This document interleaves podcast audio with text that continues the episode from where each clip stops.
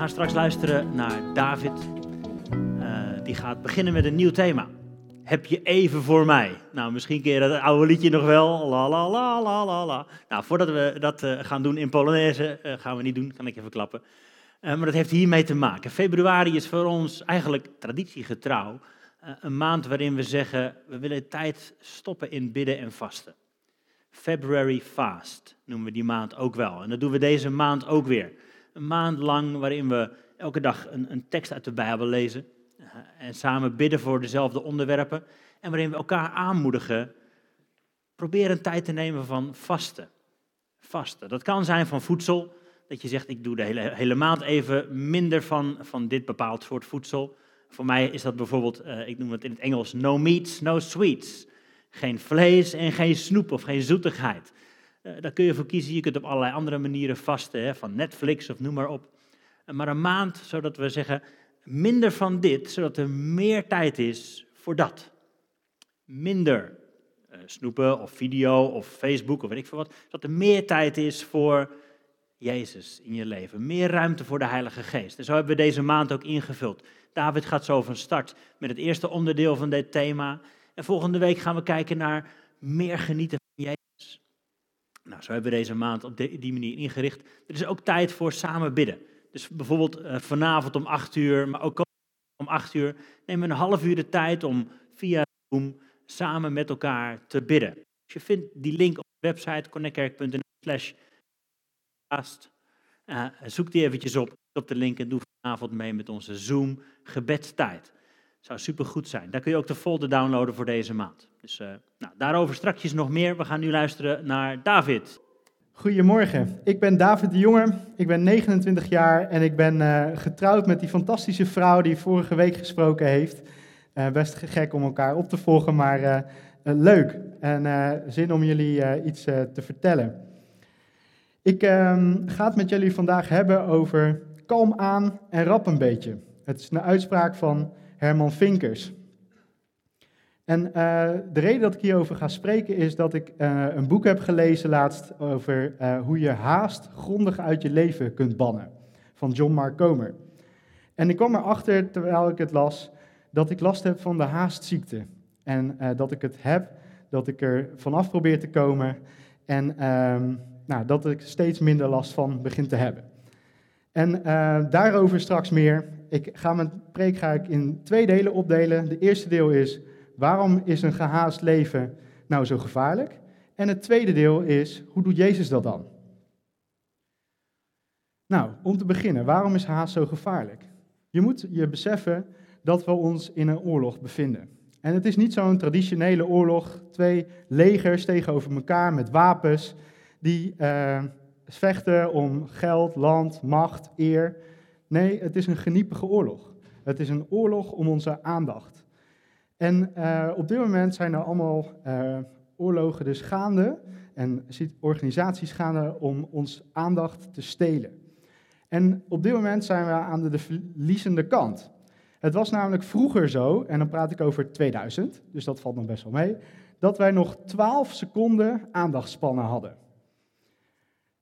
Nu is het best wel triest gesteld, want we hebben nu nog maar 8 seconden en daarmee verliezen we het officieel van de goudvis die 9 seconden heeft. Best wel pittig.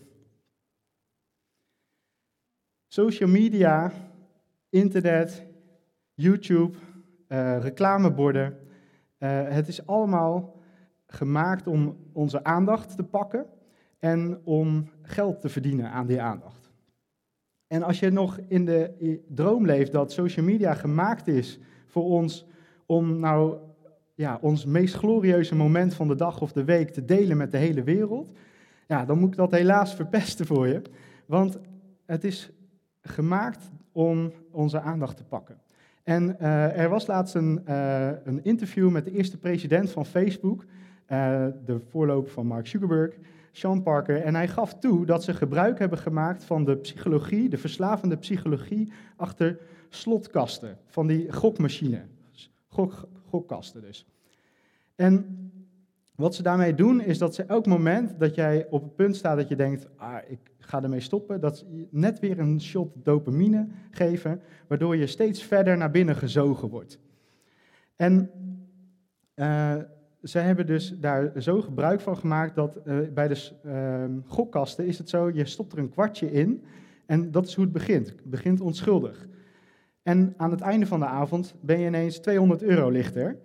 En is het zelfs zo dat wereldwijd op dit moment er een biljoenen omzet gedraaid wordt door gokkasten. En diezelfde psychologie zit dus achter social media, achter Facebook, TikTok, Twitter, noem het maar op. Achter YouTube. En het begint met vijf minuutjes. Je denkt, oh, filmpje, twee minuten. Daar begint het mee. En aan het einde van de dag is het nu zo dat de gemiddelde gebruiker van internet of van social media 2,5 uur per dag op social media zit. Um, de, en dat de gemiddelde uh, telefoongebruiker, die raakt tegenwoordig 2700 keer zijn telefoon aan. En er zijn onderzoeken dat onder tieners dit getal op het dubbele ligt. En dat is dus 5600 keer op één dag. vet vaak. En om het nog even nog scherper en pijnlijker te maken, werd de vraag op een gegeven moment gesteld aan de baas van Netflix hoe ze omgaan met de concurrentie. En hij reageerde best wel arrogant en pijnlijk. Hij zei: Concurrentie van bedrijven hebben we niet. De enige concurrent die we hebben is slaap. Oei, dat klinkt wel een beetje als een slavendrijver. Wees gerust, ik ga niet vandaag de strijd aan in deze preek met technologie. Het is niet mijn bedoeling om een façade aan te gaan tegen technologie, want anders hadden we hier niet eens naar mijn preek kunnen luisteren. Of was ik waarschijnlijk vanmorgen uh, door mijn wekker heen geslapen of had ik dus geen wekker gehad. Dus technologie is niet slecht. Maar het is mijn vraag aan jou, hoe wil jij je tijd besteden? Hoe wil jij met je tijd omgaan? Als we bijvoorbeeld nadenken over gezonde ritmes, dan denken we bijvoorbeeld na over, hè, we willen wel gezond koken, we willen wel bewegen, we willen wel sporten. Uh, we willen wel uh, Bijbel lezen elke ochtend, we willen wel uh, bidden. en je kunt vast nog veel, veel andere dingen bedenken die je wilt toevoegen aan je leven, die gezonde ritmes zijn. Maar de grootste reden die eigenlijk aangevoerd wordt, ofwel waardoor we het niet volhouden, ofwel waardoor we er überhaupt niet aan gaan beginnen, is tijdsgebrek. Ik wil het vandaag dus gaan hebben over haast. Wat is dan haast? Haast is als je te veel taken te doen hebt in weinig tijd, waardoor de enige manier waarop je alles kunt doen, is door je te haasten. In de psychologie kennen ze momenteel eh, de term hurry sickness, haastziekte. En haastziekte wordt beschreven als een aandoening waarin iemand chronisch het gevoel van tijdtekort heeft en daardoor elke taak sneller probeert uit te voeren en op alles probeert tijd te besparen en zenuwachtig wordt als ze vertraging oplopen.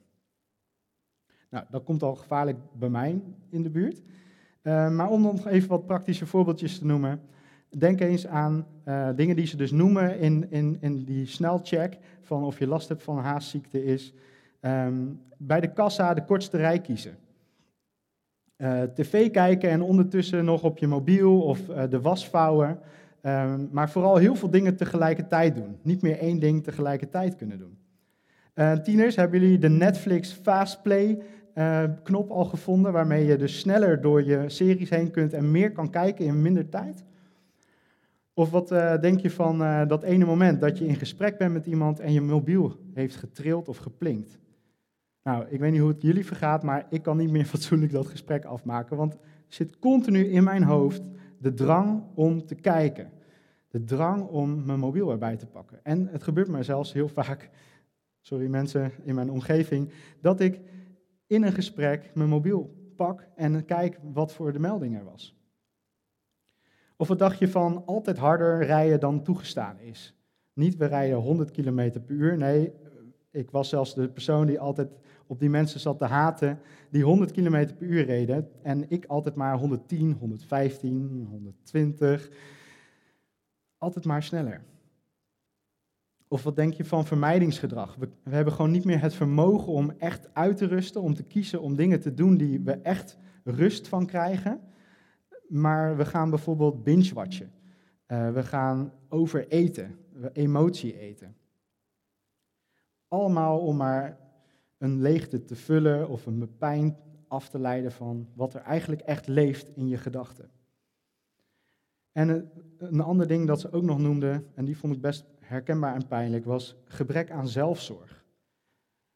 Misschien herken je het wel, dat je vaak hoofdpijn hebt. Of dat je uh, een continue vermoeidheid hebt. Dat je uh, niet gezond eet, of dat je te weinig slaapt en dat je overgewicht hebt.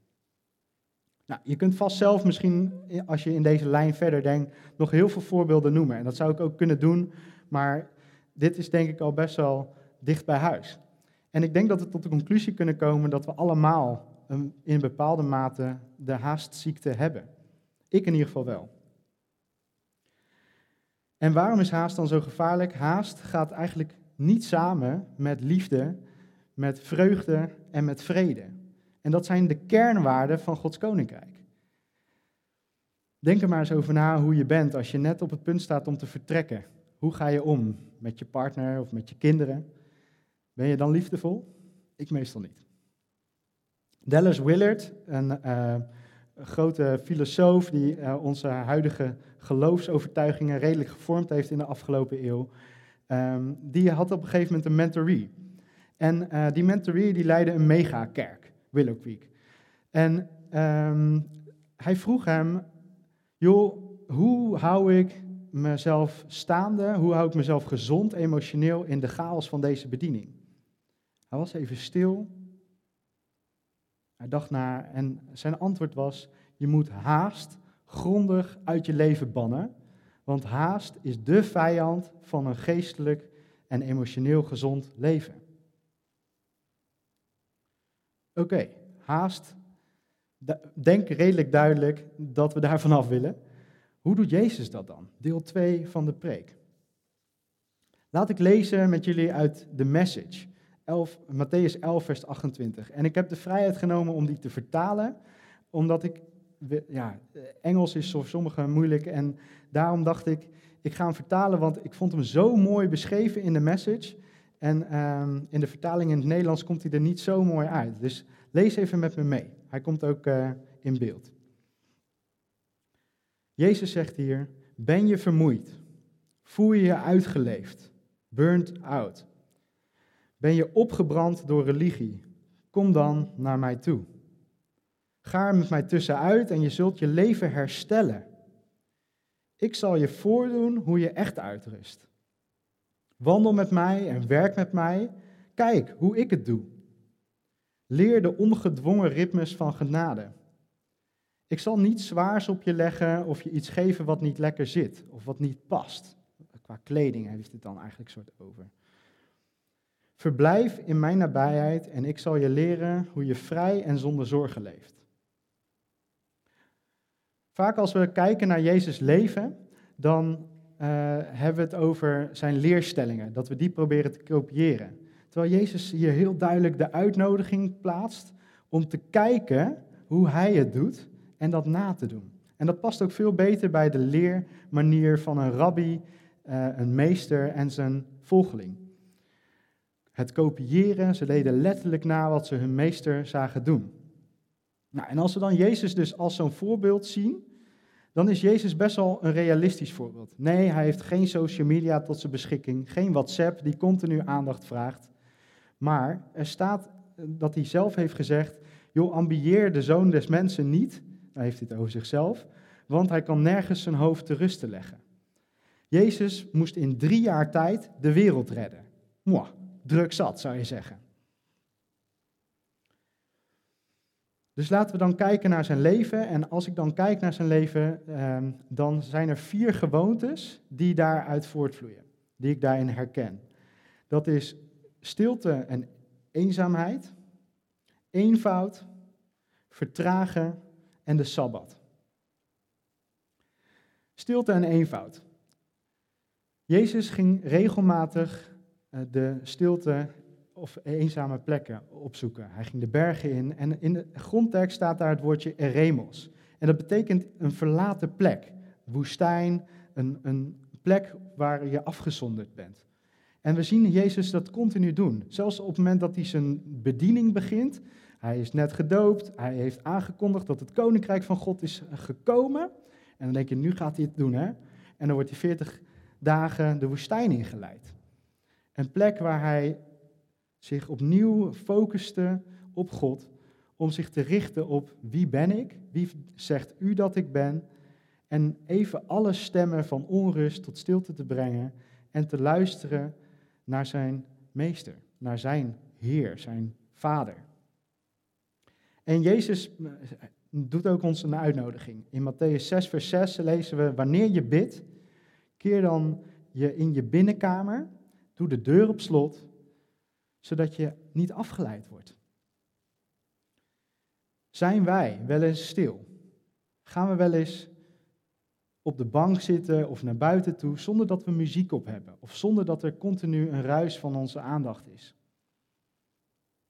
Kunnen we nog gewoon zijn? De tweede is eenvoud. En eenvoud zou ik heel veel over kunnen zeggen, maar ga ik niet doen omdat Tom dat over twee weken gaat behandelen met jullie. Hij gaat het hebben over simplicity, over minimalisme. Dus kijk vooral die preek als je daarover van Jezus wilt leren. De derde is vertragen. Jezus is nooit in een haast. Hij is nooit in een hurry. Als we bijvoorbeeld kijken naar hoe hij omgaat als hij uh, onderweg is naar de dochter van Jairus, dan wordt hij gestopt door een vrouw die hem aanraakt en die genezing ontvangt door het aanraken van zijn mantel. En dan denk je, als ik me verplaats in Jairus, dan denk ik, oké, top, let's go.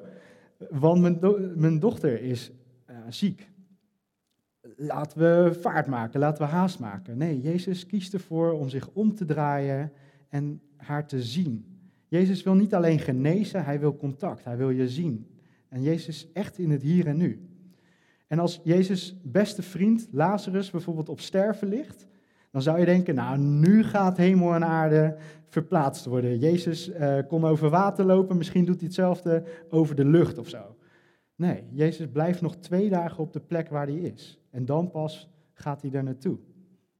Met alle gevolgen van dien en de afloop, hoe dat is gelopen. Jezus wist echt heel diep van binnen wat hem gevraagd was om te doen. En daardoor hoeft hij zich niet te haasten. En als laatste wil ik het hebben over de Sabbat.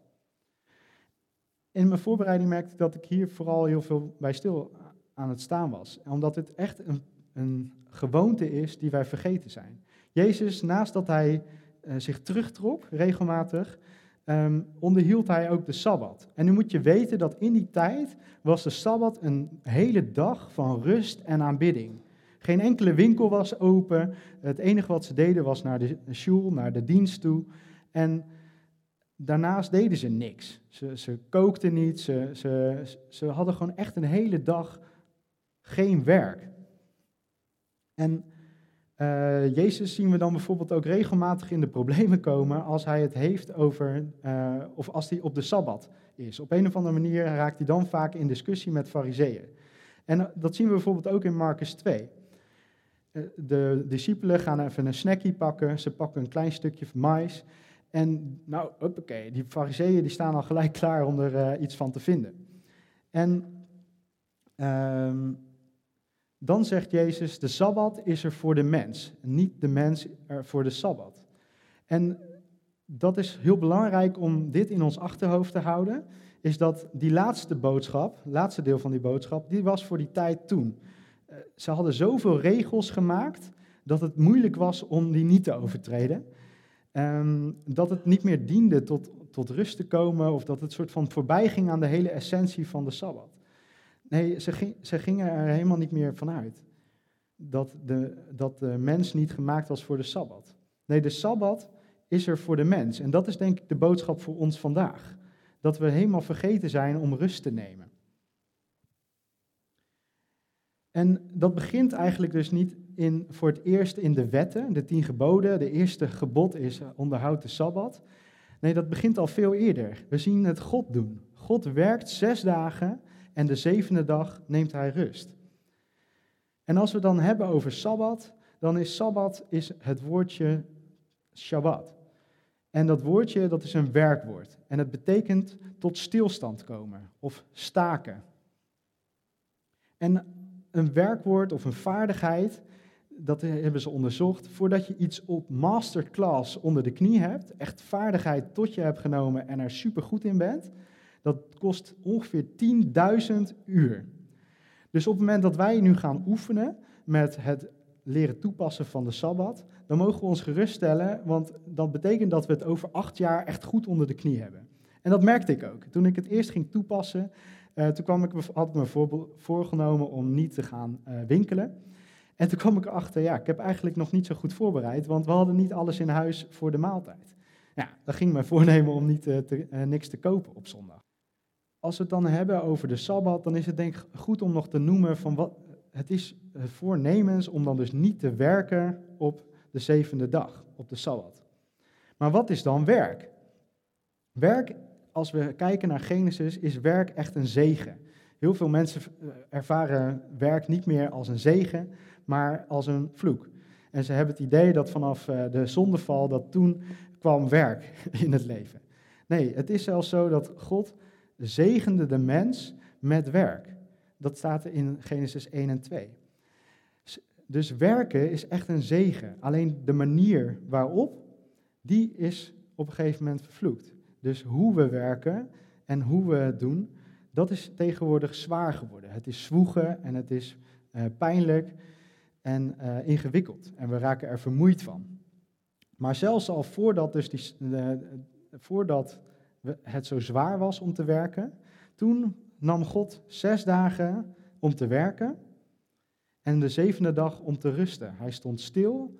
En als we in Exodus 31, vers 17 kijken, dan staat er, God kwam op adem. Nou, ik denk niet dat God uitgeput was van het scheppen, want hij vond het superleuk om te doen. Maar God nam een diepe teug adem om te genieten van wat hij had gecreëerd.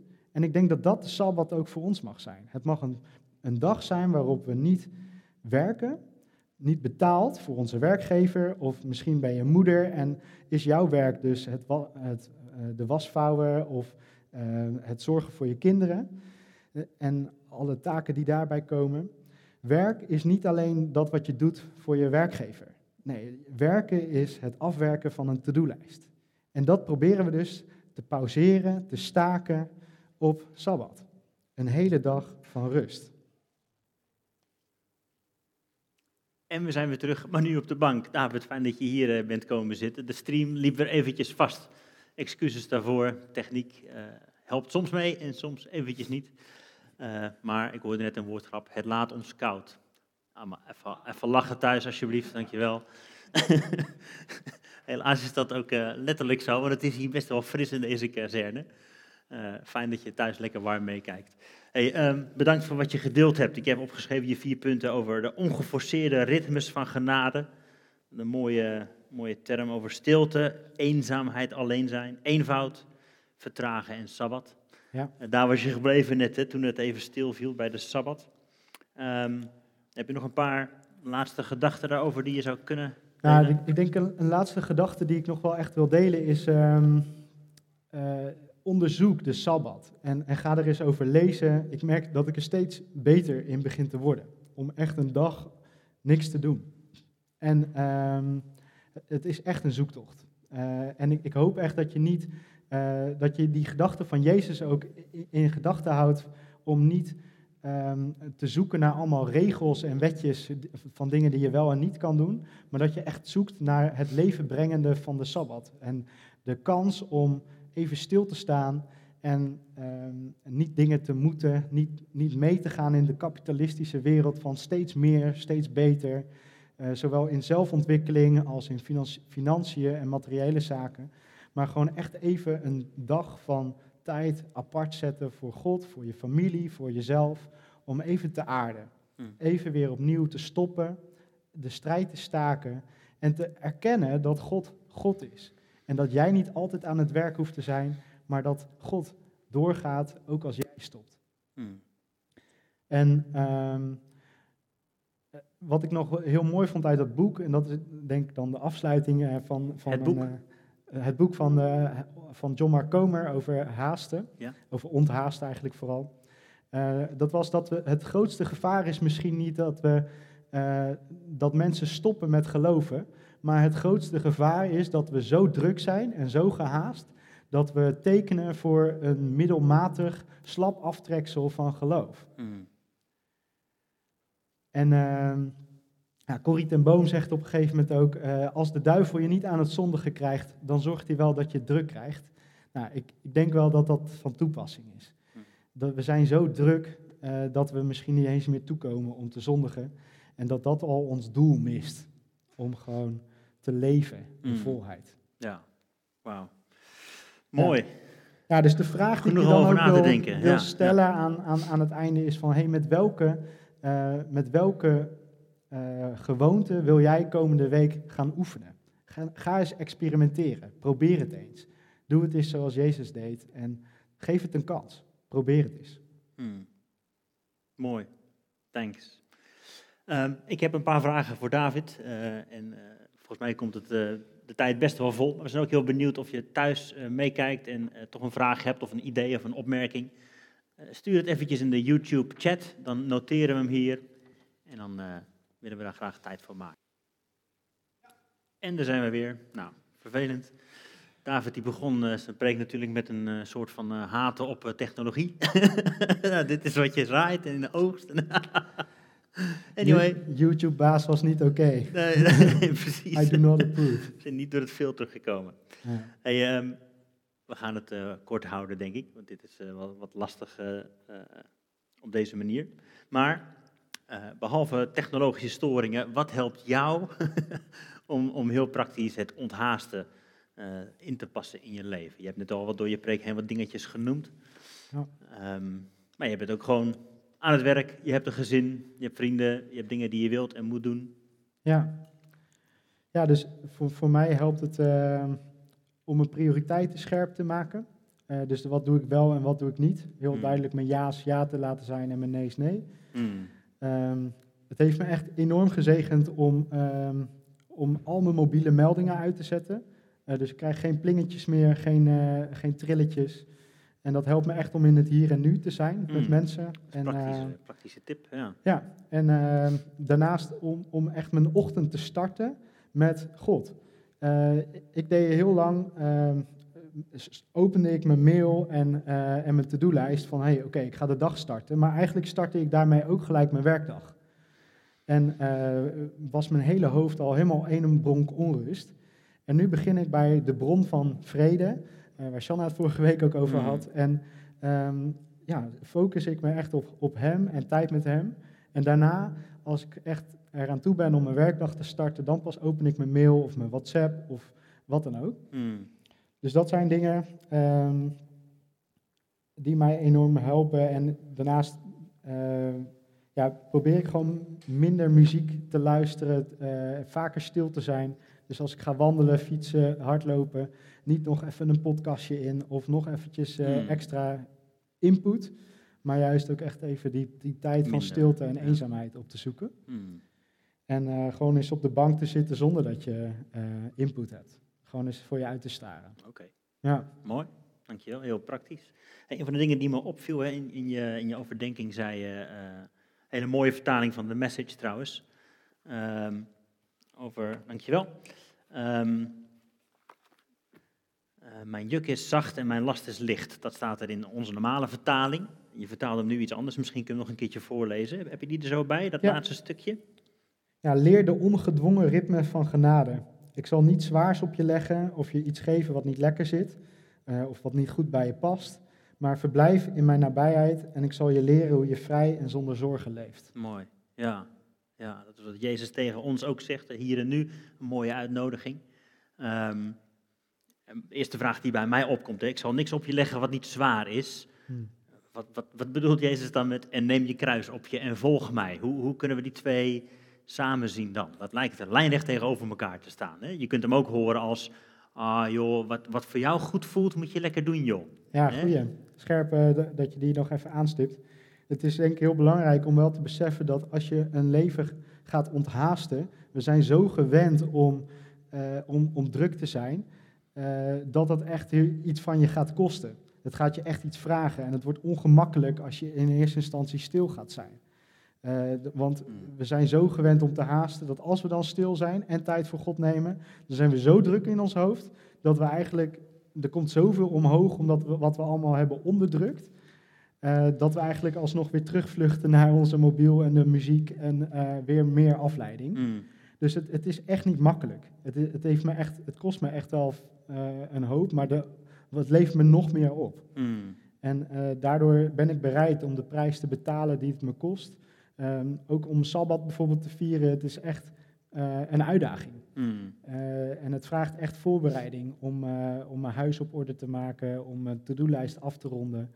En een dag, 24 uur, gewoon even apart te zetten. Mm, mm. Mooi, mooi, dankjewel. Ehm een van de andere dingen wat regelmatig nu ook terugkomt weer, is, is het, de Sabbat. Vanuit het Oude Testament horen we hem vaak als een, een, een moeten, of je mag juist niks, of je moet het wel op die die manier doen, eh, met dat en dat eten en eh, zo laat aan tafel en dan mag je niks meer. Eh, in het Nieuwe Testament wordt het veel minder belicht. Kun, kun je daar iets over, over zeggen? Ja, En Sabbat is het dan speciaal voor jou zaterdag of zondag? Of, vertel daar eens iets over.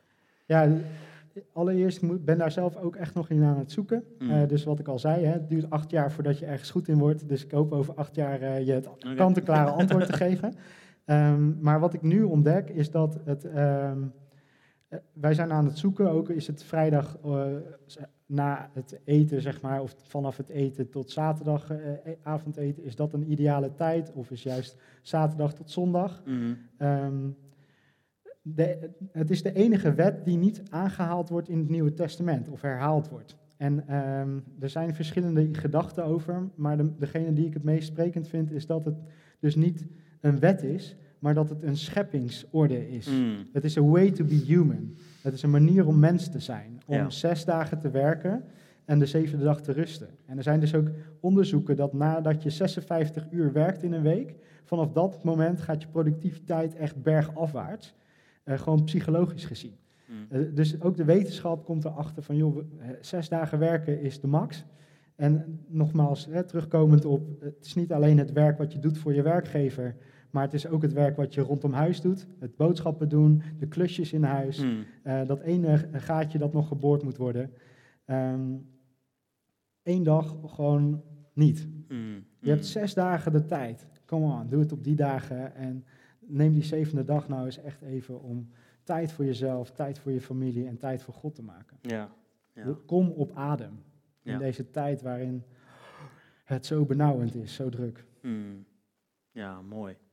Hey, en een laatste dingetje dan, voordat we eh, weer- gaan luisteren naar eh, heerlijke muziek. Ehm, wat nou in deze drukke coronatijd? Je zit thuis, je moet thuis werken, je hebt eh, vier kinderen die ook van alles willen en moeten en zo. Hoe, doe- hoe doe je dat als je praktisch gewoon geen ruimte hebt hiervoor? Kun je daar kort iets over zeggen? Ja, dus allereerst laat me zeggen dat het ingewikkeld is. Ehm, en, en tegelijkertijd denk ik ook dat, ehm, dat je echt mag zoeken naar. ehm, stel, wat voor verwachtingen heb je van jezelf? Mm. Passen die verwachtingen bij je huidige levensfase, bij de huidige situatie met corona? Je moet misschien eh, drie kinderen of vier kinderen thuisonderwijs geven. Man, wat een hectiek. Eh, en dus Jezus was ook druk. Hij, Mm. hij had een volle agenda. Maar het is ook je houding van hoe hij het benaderde, waarin hij vredig en rustig bleef. En probeer, ja, ik snap dat het een uitdaging is, dus ik, ik, eh, het is echt geen, eh, geen oordeel of eh, wat dan ook, maar ik wil jou uitnodigen om, om echt te kijken of je je, ja, je dag in- en je week in kan vliegen met een bepaalde rust, om, om niet te haasten, om de dingen op, op af te krijgen, maar echt de tijd te maken voor de dingen die je doet. En daarin prioriteiten te stellen Mm. ehm, en te kiezen. Dingen ja en nee tegen te zeggen. Ja. En ruimte te maken voor jezelf ook. Zeker ook voor moeders of, of vaders die thuis zitten met kinderen. En maak tijd voor jezelf ook vrij. Niet Mm. alleen voor je man of je vrouw die aan het werk is. ehm, maar jij bent ook aan het werk. Mm. En, en eh, dat is echt een hele kluif. Eh, ik heb een kind van 2,5. eh pittig man. Mm. Eh, ik heb er maar één. Ja. Dus eh, ja. Dus verwachtingen bijstellen eigenlijk. Ja. Van jezelf, van het leven, van wat je moet allemaal. Ja, ja mooi. Dankjewel.